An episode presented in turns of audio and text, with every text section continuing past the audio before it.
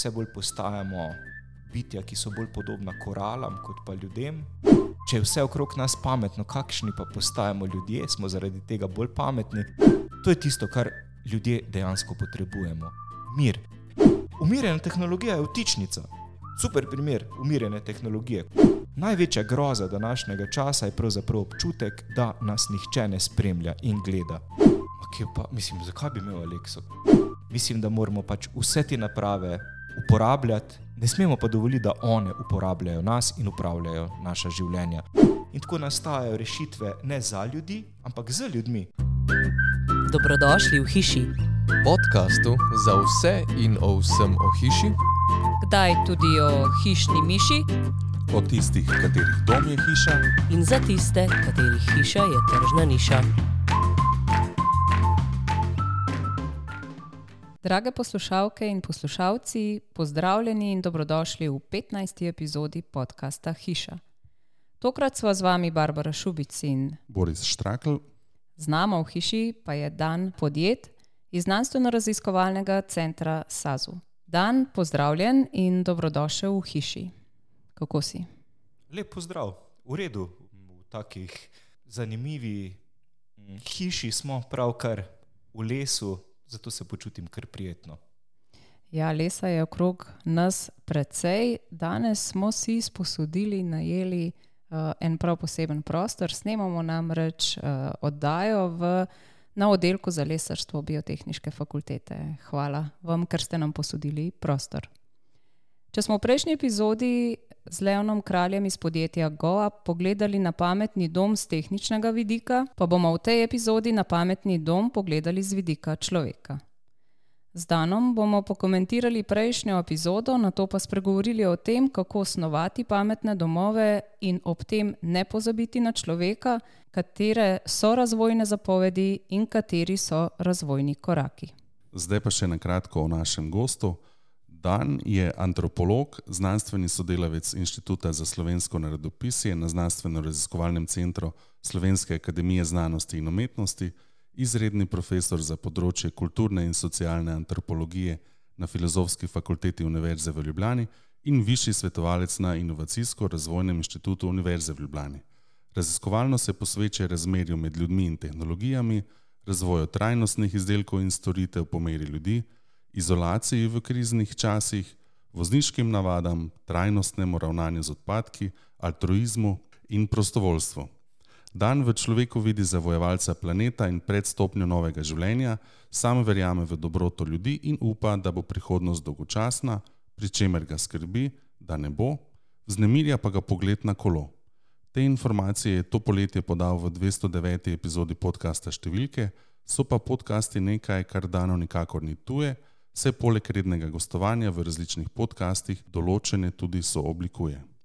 Je avtor več knjig, med njimi knjige Videni, v kateri je pojasnil, zakaj se vse več opazujemo in razkazujemo s pomočjo pametnih telefonov in drugih naprav, ter knjige Antropologija med štirimi stenami, v kateri je širši javnosti predstavil, kako je spoznaval družbo in sebe med pandemijo COVID-19. Dan, a to drži, a sem kaj pozabil? Drži skoraj vse, predvsem tisto s kolesom, da ga imam zelo rad, zato ker sem namreč včeraj kupil novega, pravzaprav rabljenega, ampak za me je nov in to je za me zelo pomembno prometno oziroma mobilnostno sredstvo.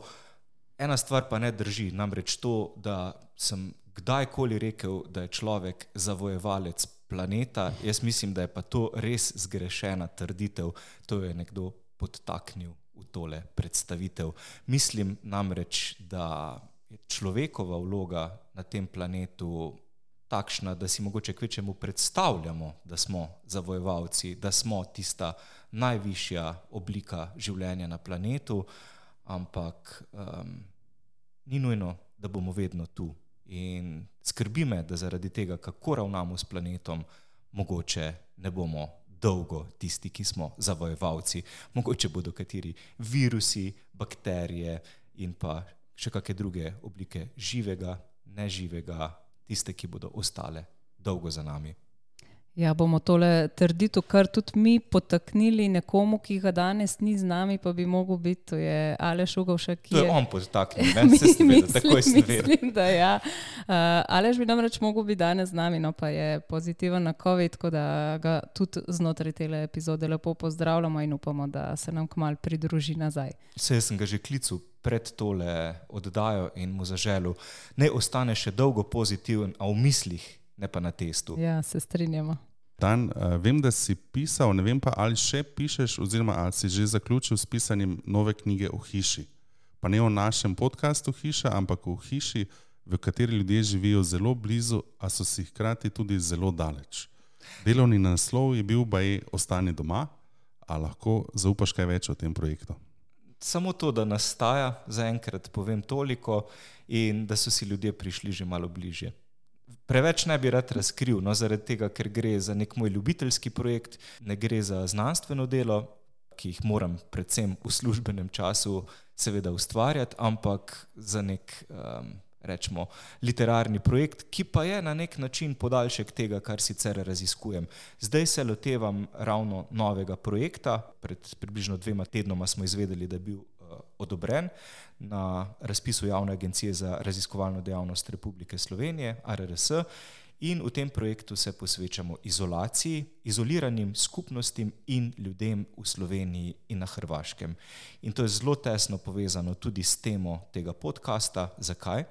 Zato, ker smo med štirimi stenami po raziskavah že iz 20. stoletja preživeli 93 odstotkov časa od tega pravzaprav 5 do 6 odstotkov v avtomobilu, ampak tudi to je nek zaprt prostor.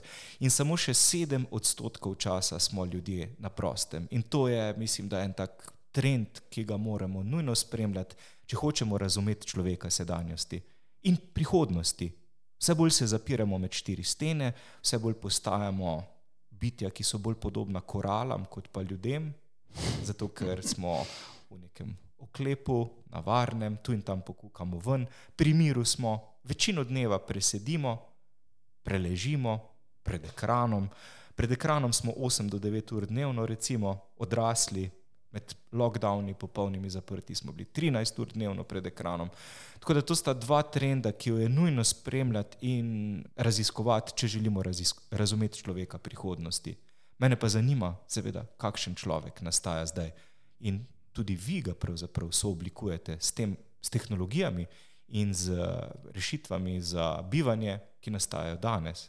Torej, odločate o tem, kakšen človek nastaja. Ja, drži. In eh, človek prihodnosti, po vseh napovedih, bo živel tudi v pametnem domu.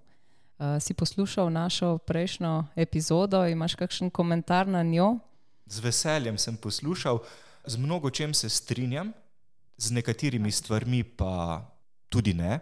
Predvsem me ta ideja pametnih rešitev malce skrbi.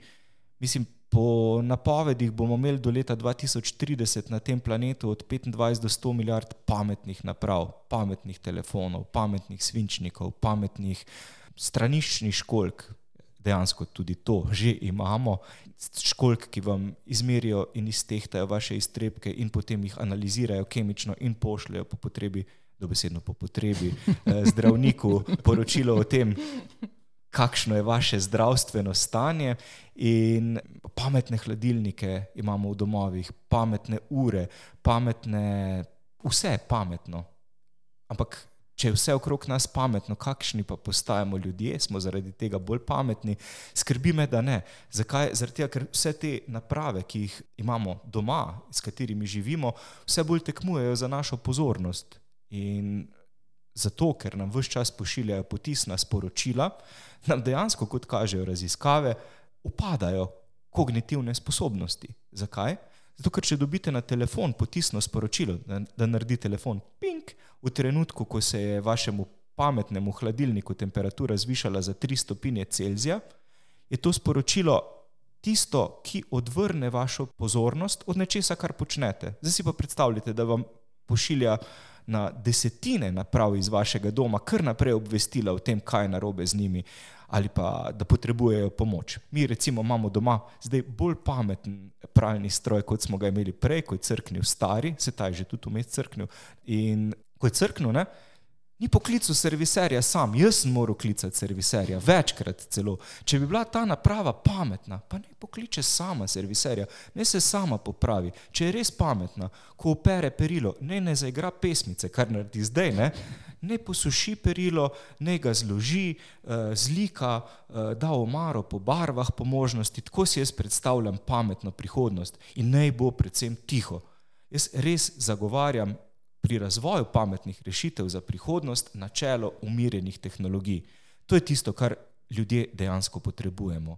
Mir, več miru, da lahko v miru delamo tisto, kar si želimo, beremo, raziskujemo, pomivamo posodo, obdelujemo vrt, karkoli že. Tisto, kar si želimo. Ne pa da vse čas gledamo v zaslon telefona ali pa kakšne druge naprave, zato da urejamo svet okoli sebe. Ker te naprave kar naprej neki sporočajo. Moja pametna ura, čeprav ji ni videti, da je pametna, ne? ampak ja, je, ne? mi sporoči zjutraj, kako sem spal. Danes je bil moj rezultat 82. Včasih smo rekli, a si dobro spal, ja, kar v redu si slabo spal, nekam utrujen zgledaš. Ja, malce nekaj čudnega se mi je sanjalo. No, danes pa sem rekel ženi, veš, jaz sem spal danes 82. In to je to, ne? In žena je spala danes? Žena je pa spala, mislim, da 93 ali celo 96. In postajamo obsedeni tudi s to idejo kvantificiranja, merjenja vsega, kar se dogaja okrog nas, ker imamo občutek, mogoče, da lahko uravnavamo na ta način svoje življenje, svoje okolje. Ampak res potrebujemo vse te informacije. Pa mimo grede, te ure merijo ne samo, kdaj zaspite, kdaj se zbudite, kot eh, razkrije Žožana Zubov v knjigi The Age of Surveillance Capitalism, mislim, da je ona pisala o tem, te ure spremljajo tudi, kdaj seksate, torej kdaj imate spolne odnose, in potem, če niso dovolj redni ali kakovostni, lahko dobite kako obvestilo za tablete, ki vam pomagajo recimo pri tem, da se vaša spolna moč izboljša. In to je tisto, kar je šokantno, ne? da smo se tako hitro bili pripravljeni odpovedati zasebnosti v zameno za neke ugodnosti, kot so, da vemo, kdaj pralni stroj opravi perilo, ali pa da vemo, kakšna je temperatura hladilnika, pa da vemo, koliko smo spali. Ja, Drži, veliko prednosti je in v pametnih napravah, in v pametnem domu. Zagotovo je pa res, da prav ne pomnim, kdaj sem zadnji dan preživela brez česar koli okrog sebe, ki bi opozarjalo na sebe, pa da ni bil, bila to živa stvar. Mislim, da že dolgo ne. Ja, in tudi statistike o tem, kako smo v bistvu naklonjeni pametnim napravam, so srhljive. Zaslona telefona se dotaknemo 2617 krat dnevno, verjetno se ne dotakneš nikogar drugega 2617 krat dnevno. Telefon je prva stvar, ki jo zjutraj vzamemo v roke, zadnja, ki jo odložimo pogosto. In tudi zato mislim, da spimo slabše. So naši rezultati 82 na mesto 92. Zakaj? Zato, ker zjutraj prvo stvar dobimo informacije o tem, kaj slabega se dogaja nas po svetu, in zadnja stvar, preden gremo spat, pogledamo kakšna je stopnja inflacije, kakšn, kaj se dogaja eh, v vojni v Ukrajini in kaj se dogaja tudi v našem pametnem domu. In vedno je nekaj narobe, nikoli ni vse v redu ne? in potem gremo s tisto slabo mislijo spat. Tako da sam predlagam, da pametne rešitve uporabljamo po pameti. Predvsem pa moramo paziti, da one ne uporabljajo nas, ampak da mi še vedno uporabljamo in upravljamo njih. Pa misliš, da se zavedamo tega, koliko pametne naprave upravljajo nas, koliko pa mi njih? Ali ljudje razmišljajo o tem? Ne, vse sem prepovedal, da smo se dobesedno odpovedali zasebnosti kot enemu temeljnih konceptov demokracije, ki smo ga res dolgo vzpostavljali. Vse, zasebnost ni zelo nov, mislim, zelo star koncept v zgodovini človeštva. Zasebnost, kot jo poznamo v Sloveniji, v Evropi, danes je stara približno 400 let. Ta koncept doma, ki je vaš, kjer, ste, kjer se lahko skrijete, kjer nihče ne more pokukati v vašo um, zasebnost, v vaš vsakdanjik, kjer ste med štirimi stenami sami, če želite, z drugimi, in tisto, kar se tam zgodi, ostane med štirimi stenami. No, ta koncept zdaj izginja skupaj s pametnimi napravami, ki eh, si jih sami kupimo, si jih sami vnašamo v svoje domove, pa ne samo pametne telefone, tudi Alexo in uh, druge pripomočke, ki nam bojda olajšajo življenje, ali pa termostate Nest, ne, ki uh, spremljajo naše navade, kdaj se zjutraj zbudimo, kdaj pridemo domov, kdaj se približujemo domu s pomočjo pametnega telefona, seveda ta naprava ve tudi to in potem glede na to uravnava temperaturo v našem prostoru. Kar se sliši zelo praktično, torej nam je treba bistveno manj razmišljati in ni treba samim nam upravljati s termostati in drugimi napravami. Tudi jaz imam res težave s tem termostatom našim, ki je še eh, ne posebej pameten, ampak ga pač ne znam nastaviti, še ta je prepameten za mene. No, in sem že tudi razmišljal, kaj pa če bi kak nest ugradil, pa ne on pač ureja moje življenje, mojo temperaturo, ampak kdo je kupil nest? Google, seveda. Zakaj? Ker jih izjemno zanima še ta komponenta našega življenja. Zdaj vedo o nas vse, več kot vemo mi sami o sebi. Kdaj odhajamo na delo, kdaj uh, ustajamo, kakšno temperaturo želimo imeti v prostoru, kakšno temperaturo imajo v povprečju ljudje v Sloveniji, eh, kakšno temperaturo imajo ljudje v um, večstanovanskih uh, hišah, kakšno temperaturo imajo ljudje v zasebnih bivališčih, mislim, v hišah, kjer um, stanujejo recimo sami ali pa kjer stanuje ena družina, kakšna je temperatura v javnih prostorih. Tako da v bistvu ve vse ne? in jaz mislim, da se na ta način uresničuje nek koncept Boga, kot smo ga nekoč razumeli, ki ve vse in nas vse čas spremlja. Na nek način se je zgodil ta zanimiv obrat, da smo ustvarili Boga tokrat mi po lastni podobi oziroma po lastnih željah.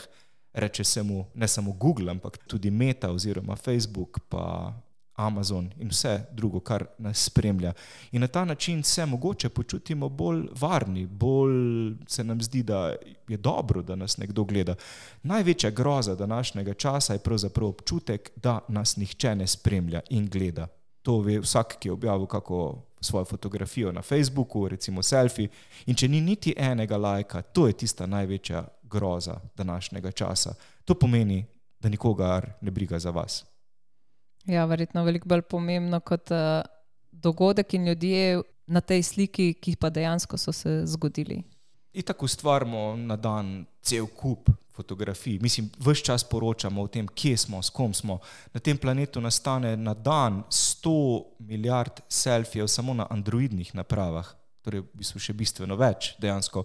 In selfiji so samo fotografije sebe, ki jih objavimo na omrežju še bistveno več fotografij, ki jih ne objavimo in jih seveda tudi zbirajo Google in drugi giganti, kamor pretakamo svoje informacije v njihov oblak. Ne?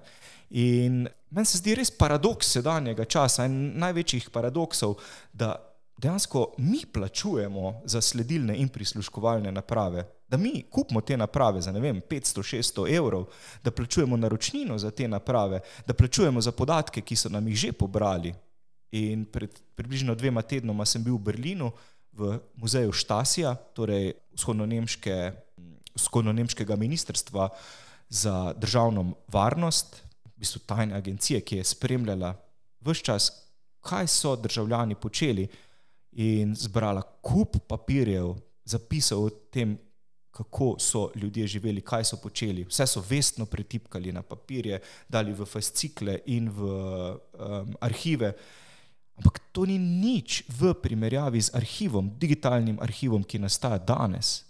Nekdo je zračunal, da če bi natisnili arhiv, ki ga je imel že leta 2014 NSA, National Security Agency, in v katerem je bilo 5 zetabajtov podatkov, to je 5 milijard terabajtov podatkov, če bi ga natisnili na papirje in dali v fascikle, pa v nek, neko stavbo, bi bila ta stavba, če bi bila fizična stavba, večja od Evrope. Torej, tako velik je ta arhiv, digitalni arhiv. V bistvu ustvarjamo digitalni arhiv, ki je večji od dejanske družbene geografije, od dejanske družbene slike. In to je tisto, kar je pri meni, kar se mi zdi najbolj fascinantno pri tej ideji, da imamo narediti to, če moramo pravimo digitalna preobrazba. Pojdimo še bolj v to, v, k pametnim rešitvam. Jaz mislim, da smo šli v pametno prihodnost zelo nespametno, da bi morali bistveno bolj razmisliti, zakaj smo se sploh odpovedali pravici do zasebnosti. Pač brez telefona ne moremo več nikamor, se, niti sem do oddelka za lesarstvo nisem mogel priti brez navigacije. In telefon potrebujemo zato, da ne samo da navigiramo, ampak da se lahko sploh pogovarjamo, da lahko spletamo vezi. In je dejansko to čudežna paličica, ampak hkrati se moramo zavedati, da nam vse čas pobira podatke in zato mi ne dobimo nič. Zato jaz predlagam, da moramo res razmisliti o novem poslovnem modelu. Zakaj ne bi bili mi plačani za to, da nosimo s sabo prisluškovalne in sledilne naprave? Recimo, ne vem, da nam Google plača 25 evrov mesečno, zato da uporabljajo naše podatke. Ampak zaenkrat je, mislim, to bolj uh, utopija kot pa realnost. A pa je že taka ideja, se je že porajalo komu drugemu, tudi ne, ne sam tebi, je to um, vse splošna ideja, ki nekako bi lahko v prihodnosti prišla tudi do realizacije ali ne. Se pravi, da bi Google plačal. Jaz nam. mislim, da Google ne bo plačal zaradi tega, ker je bistvo njihovega poslovnega modela to, da nam pač pobirajo podatke, ki so zlato in nafta 21. stoletja. Oni se tega dobro zavedajo in na ta račun seveda bogatijo, ker poznajo naše navade, ker poznajo naše prijatelje, ker vedo, kje se gibljemo, ker vedo, kako temperaturo imamo v stanovanju, pač vedo nas ogromno. In mislim, da bi morala Evropska unija ustrajati pri tem, da nastajajo podjetja, ki bi izvrševala podobno funkcijo kot Google, torej bi nam pomagala iskati informacije, ampak bi delala to na bolj etičen in transparenten način in da bi nam plačala za to. Jaz mislim, da bi bil to celo temelj univerzalnega temeljnega dohodka. Torej, da nam podjetja, ne imenujem ga Google, ampak ne bo Google, da nam Google recimo plača mesečno 25 evrov za to, da uporablja naše podatke in da imate možnost, če želite, da se izklopite, kadarkoli. In možno bi bilo seveda zaščititi lastne podatke, mogoče s tehnologijo blockchain ali pa z bazami podatkov ali pa na kakršen koli način bi bilo možno v bistvu biti lastnik podatka, svojega podatka, da ga lahko potem po potrebi prikličete nazaj, zbrišete ali pa rečete, ta mesec jaz danes ne delam. Glejte, ta mesec sem jaz odklopljen, želim biti neviden, pač ni mi treba plačati. Če pa delate, potem ste pa plačani. Ker če nismo plačani za to, da se telefona dotaknemo 2617 krat na dan, potem nismo delavci, potem smo tlačani, ne? ker upravljamo tlako z temi pripomočki. In zato mislim, da je treba res razmisliti o tem, kako, kako pravzaprav nazaj v kapitalizem. Zdaj smo res na prelomu sistemov nastaja nek nov sistem, ki bolj spominja na feudalizem, kjer smo tlačani, kjer nismo delavci in kjer zgolj peščica um, ljudi izjemno bogati na račun našega dela, ki je prostovoljno delo, neplačano delo. Tako da mogoče moramo malce časovnico zavrteti ali pa začeti razmišljati o tem, začeti se moramo zavedati vrednosti naših podatkov. Ne? Koliko smo vredni in koliko so vredni naši digitalni dvojniki, ki zdaj opravljajo tlako na strežnikih ali pa v digitalnih oblakih zasebnih podjetij. Dan, hvala za zelo dobro izhodišče, za premislek o marsičem. Če se pa vrnemo k našemu naslovu podcasta, hiša. Kakšni pa so tvoji pogledi na snovanje pametne hiše, na kaj bi morali biti lastniki pozorni? A je kaj posebnega? A damo Alekso ali ne damo? Kdaj jo damo, kako jo uporabljamo. Pa, mislim, zakaj bi imel Alekso? Kaj mi Aleksa pomaga, razen da me pač posluša in mi krade čas. Sej, eh, ne vem, do informacij znam dostopati tudi na kak drug način. No, mislim, po pameti, ne? mislim, že neka majhna rešitev, kot je recimo senzor, ki ga imamo pri nas na vhodu um, v stanovanje, nam lahko naredi več problemov kot koristi pač gre za stikalo, za avtomatsko stikalo, ki se vklopi takrat, ko nekdo vstopi v prostor, takrat se prižge luč ne? in potem se čez približno četrt ure izklopi. Ampak že s tem stikalom, ki je pač, ne pravim, da je to neka pametna rešitev, ampak malce bolje avtomatizirala naš dom, imam cel kup problemov. Najprej moram vedno znova, če želim prestaviti nastavitve, najti tisti izvijač, ki se mu reče fazen briefer, torej preizkuševalec faze, In ker ga nimam doma, si ga moram včasih sposoditi k sosedu, da nastavim, čez koliko časa se luč ugasne. Potem, ko sta bila ta mlajša dva otroka, pač imam tri sinove in mlajša dva spita zraven pred sobe, in sta želela imeti kot priškrnjena vrata, da je neki svetlobe preseval tja. Ne? In potem se je ta luč ugasnila, in potem sem moral vstajati z kavča, in, eh, zato da se je luč vklopila. Meni je v bistvu ta neka naprava zagrenila dan, ne? podobno je s termostatom.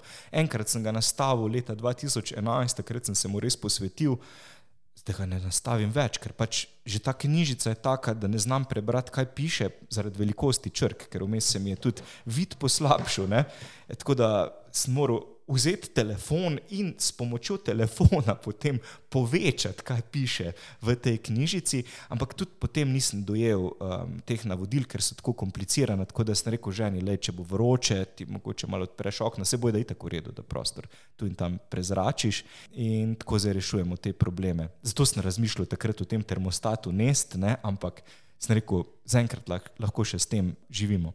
In Problem pametnih rešitev je še neki, ne, da stanejo precej, um, ni pa nujno, da so večne. Recimo v osnovnih, srednjih šolah so vse bolj priljubljene pametne table, na katere lahko pišemo s pametnimi svinčniki.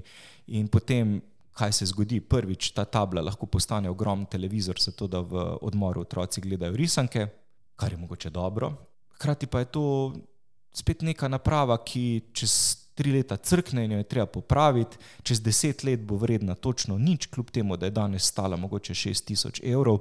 Tako da je treba res pametno, temeljito razmisliti, ali je tisto, kar je digitalno, boljše kot tisto, kar je analogno. In prosim, ne me narobe razumeti, nikakor nisem tehnološki ljudist. Da bi rekel, razbimo naprave, eh, vrzimo telefone v smeti, slecimo se do golega in stecimo v gost. Ne.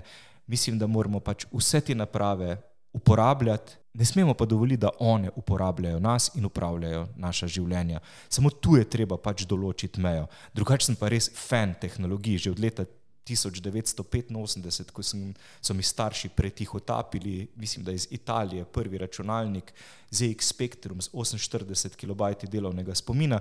In so me takrat tehnologije zasvojile. Mislim, vem, kaj pomeni zasvojenost s tehnologijami. Pač igral sem igre na začetku faksa, tako po 17 ur na dan, recimo Civilization 2, um, eh, konkretno, in preživel noči pri tem, da sem civiliziral planet, in potem se tudi malo zamislil nad sabo, ali um, je to prava pot za me. Zdaj igram recimo No Man's Sky na um, Nintendo Switch in Um, se mi zdi to kakovostno preživljanje prostega časa, ampak do neke mere, do takrat, ko to začne motiti, seveda, naše družinsko življenje. Tako da si moram vse čas v bistvu določati, koliko časa sem na tehnologijah. In zato uporabljam tehnologije na telefonu, recimo več aplikacij, s katerimi si določam minutažo dnevno, pa določam si, na katere strani lahko grem, uh, katere aplikacije lahko uporabljam.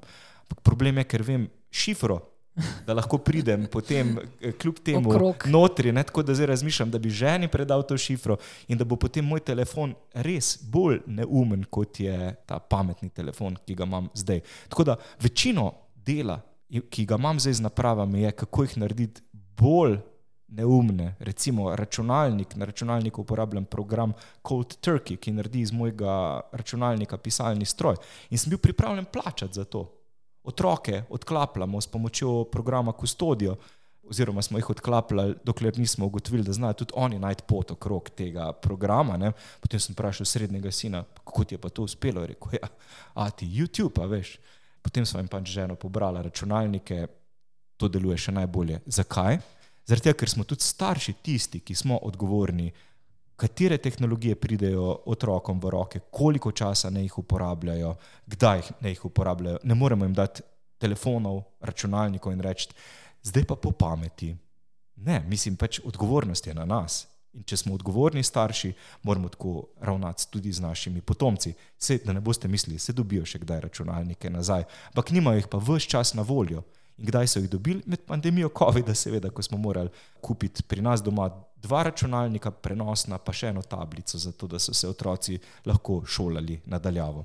Dan na kongresu Človek v pametni in krožni stavbi si podal štiri nasvete za snovanje pametnih stavb po meri ljudi. Zdaj bi šli kar enega za drugim in vmes izpostavili in predebatirali deset razvojnih zapovedi in štiri korake razvoja po meri ljudi.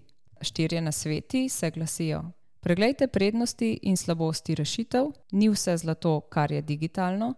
Upoštevajte želje ljudi in jim prisluhnite, štirje koraki razvoja po meri ljudi. Prednost imajo umirjene rešitve, v središče postavite pametne ljudi in nepametnih naprav, ter pozabite na uporabnike, stranke, kupce, razmišljajte o ljudeh. Lahko pokomentiraš te štiri nasvete.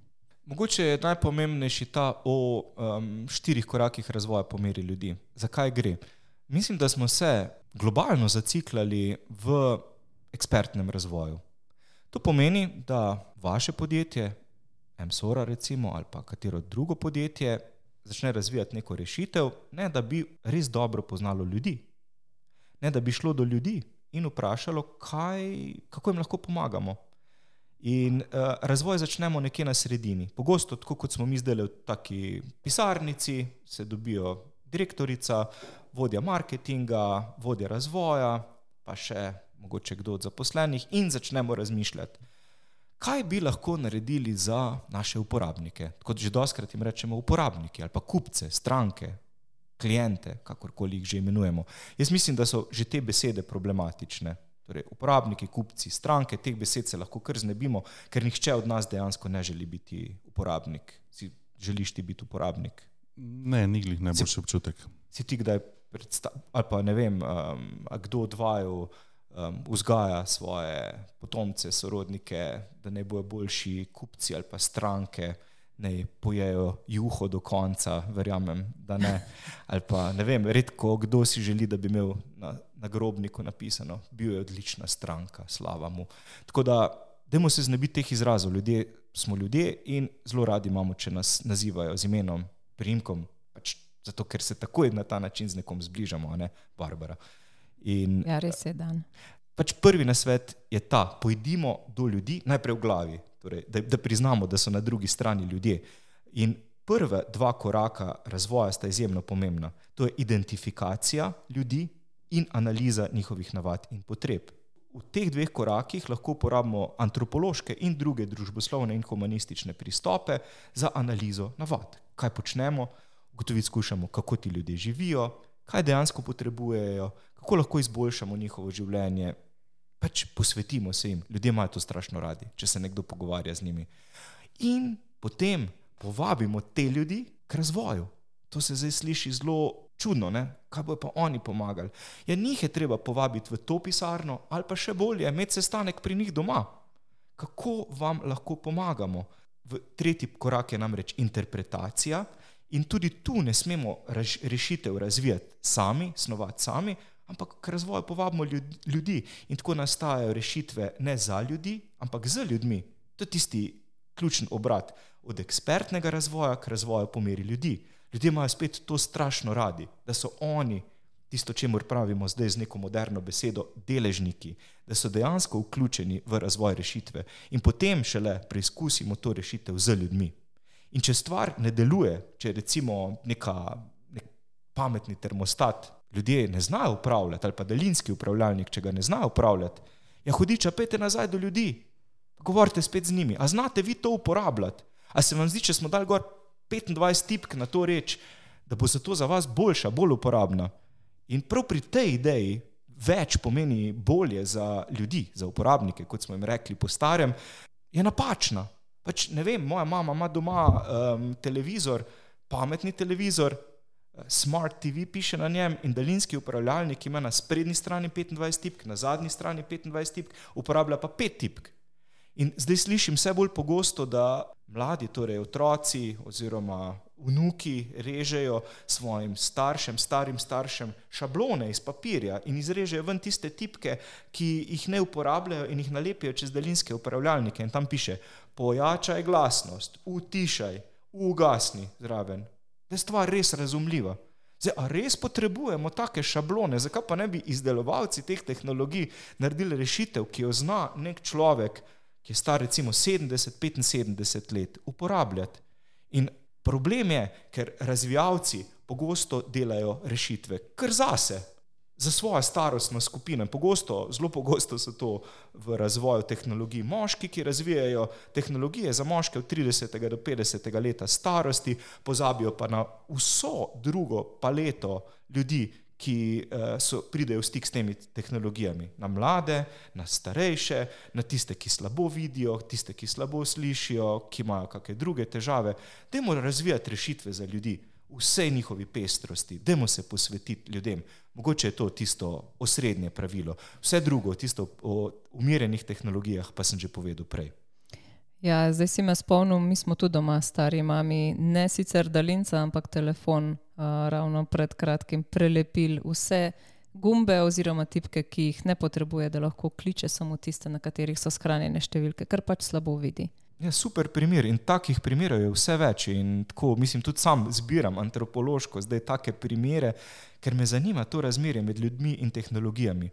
Vedeti pa morajo, moramo, da ljudje tudi znajo vedno ukrotiti tehnologije. Po svoje včasih.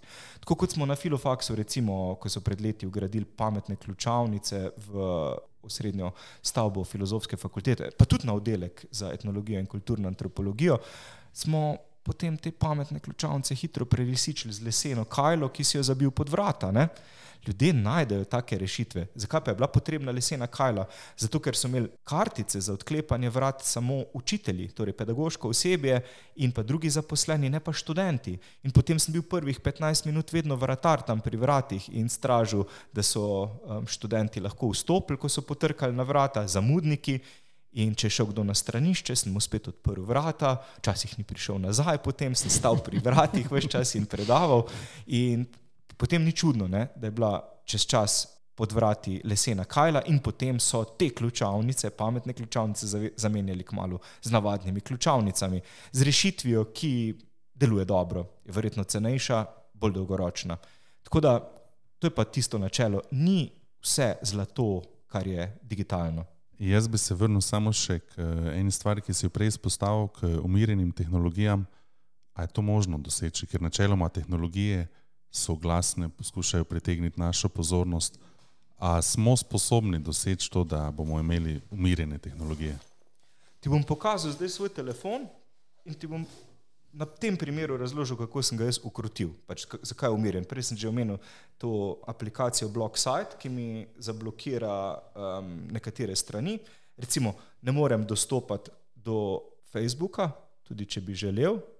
Ne? Zdaj grem na Facebook piše No way, če nekega Gustava nariše, pač te, to slikico sem si sam dodal.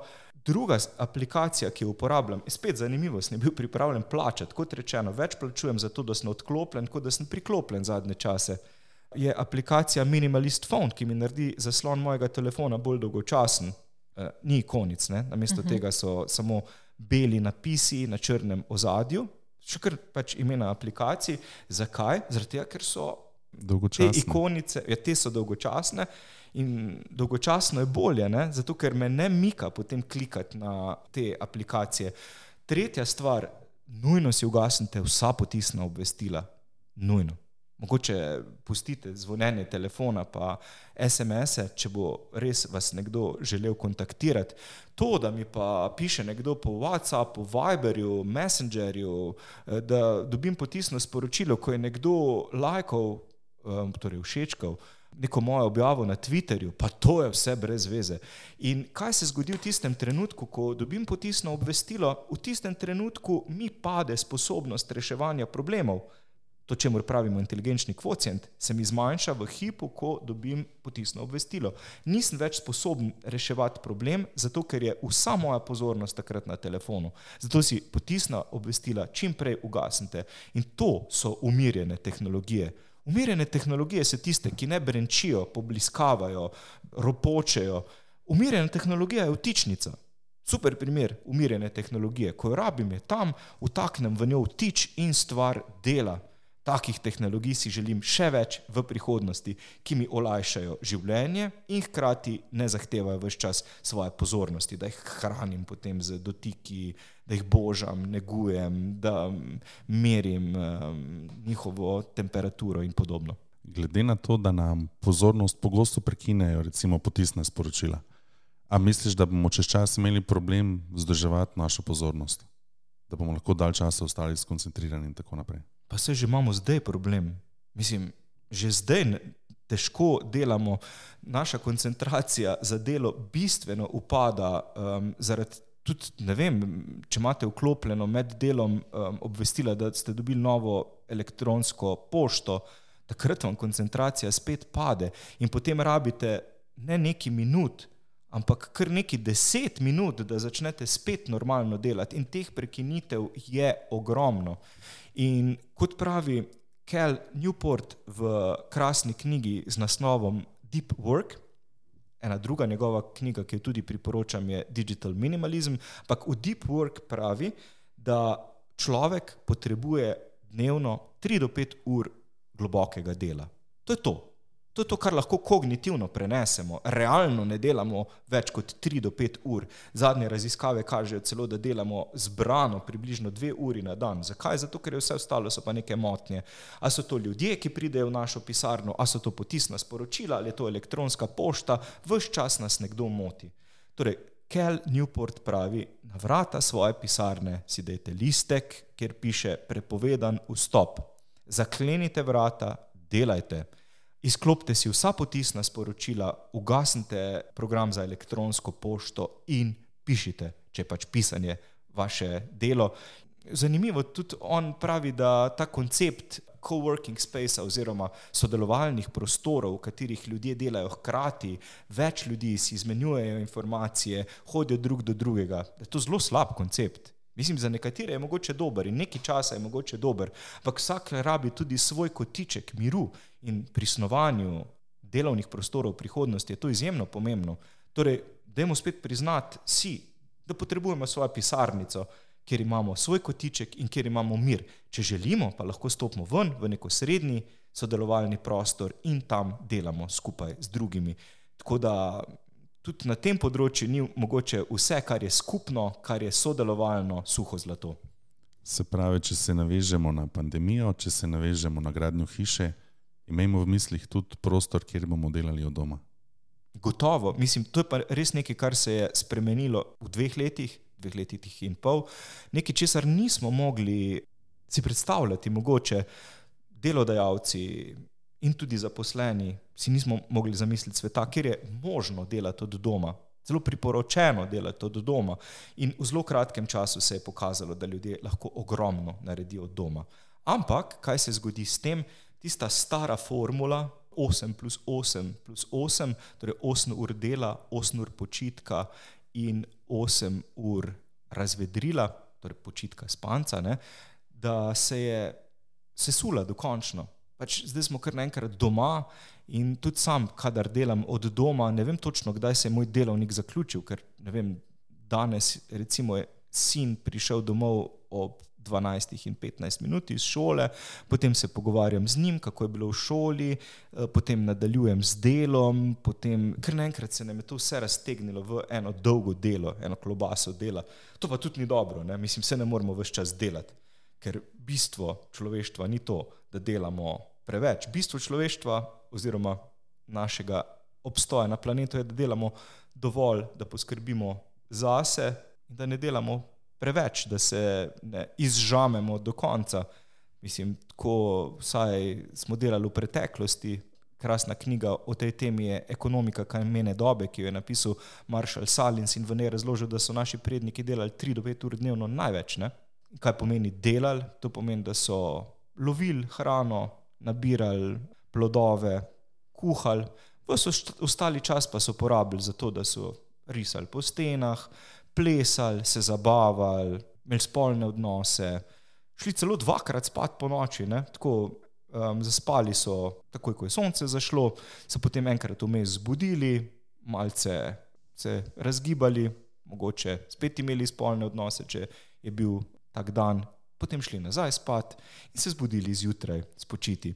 In na to pozabljamo, kako pomembno je, da se doma tudi spočijemo. Torej, dom ne more biti samo prostor za nenehno delo, ampak tudi tisti prostor, seveda, kjer eh, si privoščimo počitek. Res pa je problem, kako si zdaj, v času, ko delamo bistveno več od doma, lahko odmerimo teh 8 ur, ko ne bi bili v službi. Če zaključimo počasi pogovor o temi, samo še zadnje vprašanje. Vse te tehnologije, pametne, nepametne, nespametne in pa mi, tudi pametni in pa nespametni, ki jih uporabljamo, ali so nas pripeljale do tega, da bolj zaupamo napravam kot ljudem? Ali sploh še zaupamo ljudem? Ja, dober primer tega je navigacija. Brez navigacije v avtomobilu težko pridemo kamorkoli. Recimo, prejšnji teden sem se peljal do Portoroža in še do tam si nastavim navigacijo. Ne? Čeprav točno vem, kam grem, ampak za vsak slučaj, če bi se slučajno kje po poti izgubil. Opažam tudi sam, da težko hodim po cesti, brez da si nastavim navigacijo, sploh v kakem neznanem tujem mestu. Včasih smo vprašali, pa smo si prej pogledali na zemljevid, kam gremo. Danes pač je navigacija tista, ki nam tudi, če smo na mostu, reče: Zavite desno boste zavili desno ne, in boste zapeljali mogoče z mosta direktno v reko, zato ker tako slepo zaupamo navigaciji.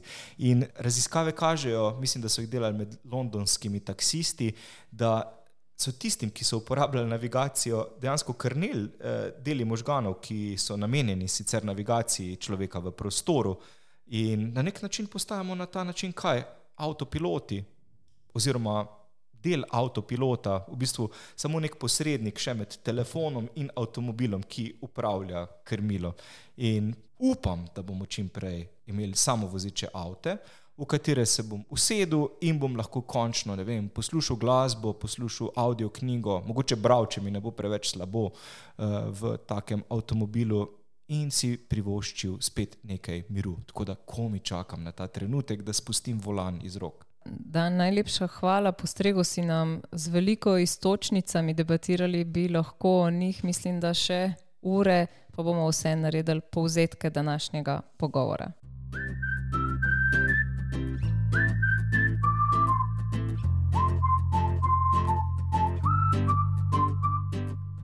Ljudje smo vse bolj podobni koralam, Večino dneva smo zaprti v prostoru in precej, precej bolj statični kot naši predniki. Zavestno smo se odpovedali zasebnosti, ki nam je bila dana še ne tako dolgo nazaj. Odlično bi bilo, da se lahko odklopimo od spremljanja naših podatkov in deljenja leteh s svetom in se na nje priklopimo samo takrat, ko in če mi to želimo. Štirje koraki razvoja ljudi in njihovih želja, potreb je identifikacija ljudi, analiza njihovih navad, interpretacija in pa testiranje. Umirjene tehnologije bi morale biti tehnologije prihodnosti in prvi korak temu lahko naredi vsak s tem, da si ugasnete potisna sporočila na vaših telefonih.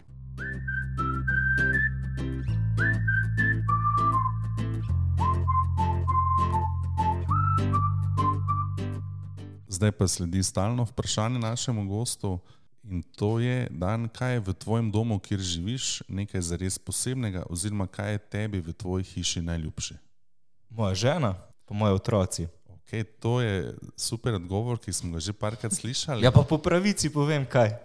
A, a mogoče obstaja še kaj kakšen prostor, kakšen predmet, kakšen predel hiše za hišo. Ok, bom po pravici povedal.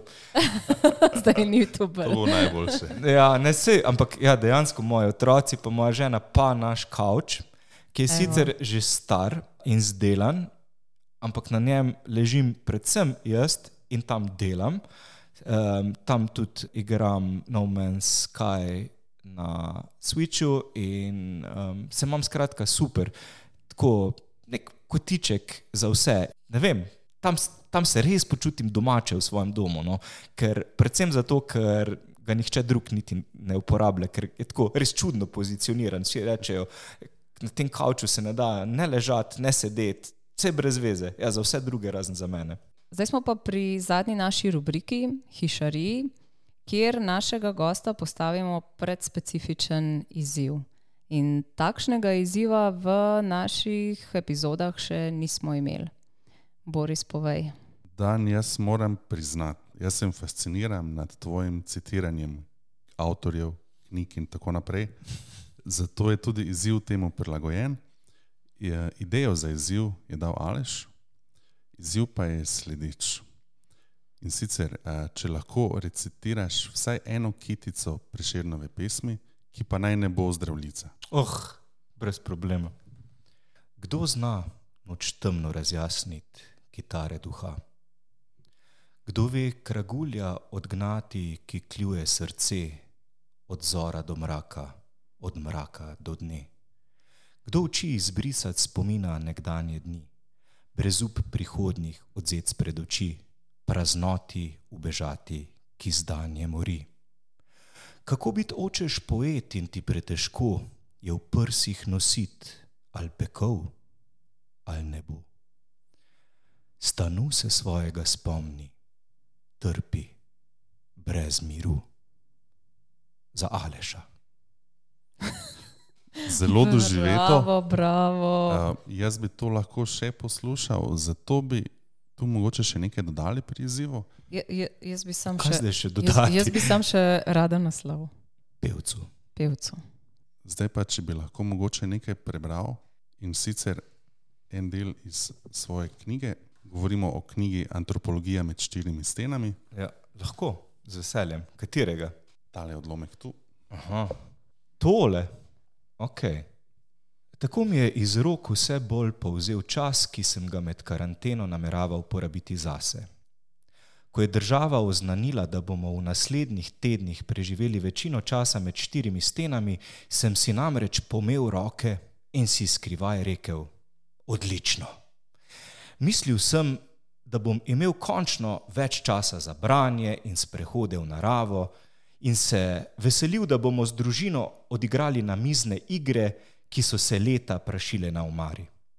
Navdušen sem bil nad mislijo, da bova z ženo pogosteje kuhala zdrave jedi, pripravljene iz zelenjave, ki bo zrasla na domačem vrtu, in sanjaril o romantičnih večerjih, ki si jih bova privoščila v osami.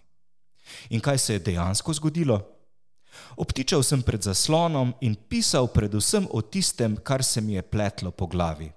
In tako dan za dnem.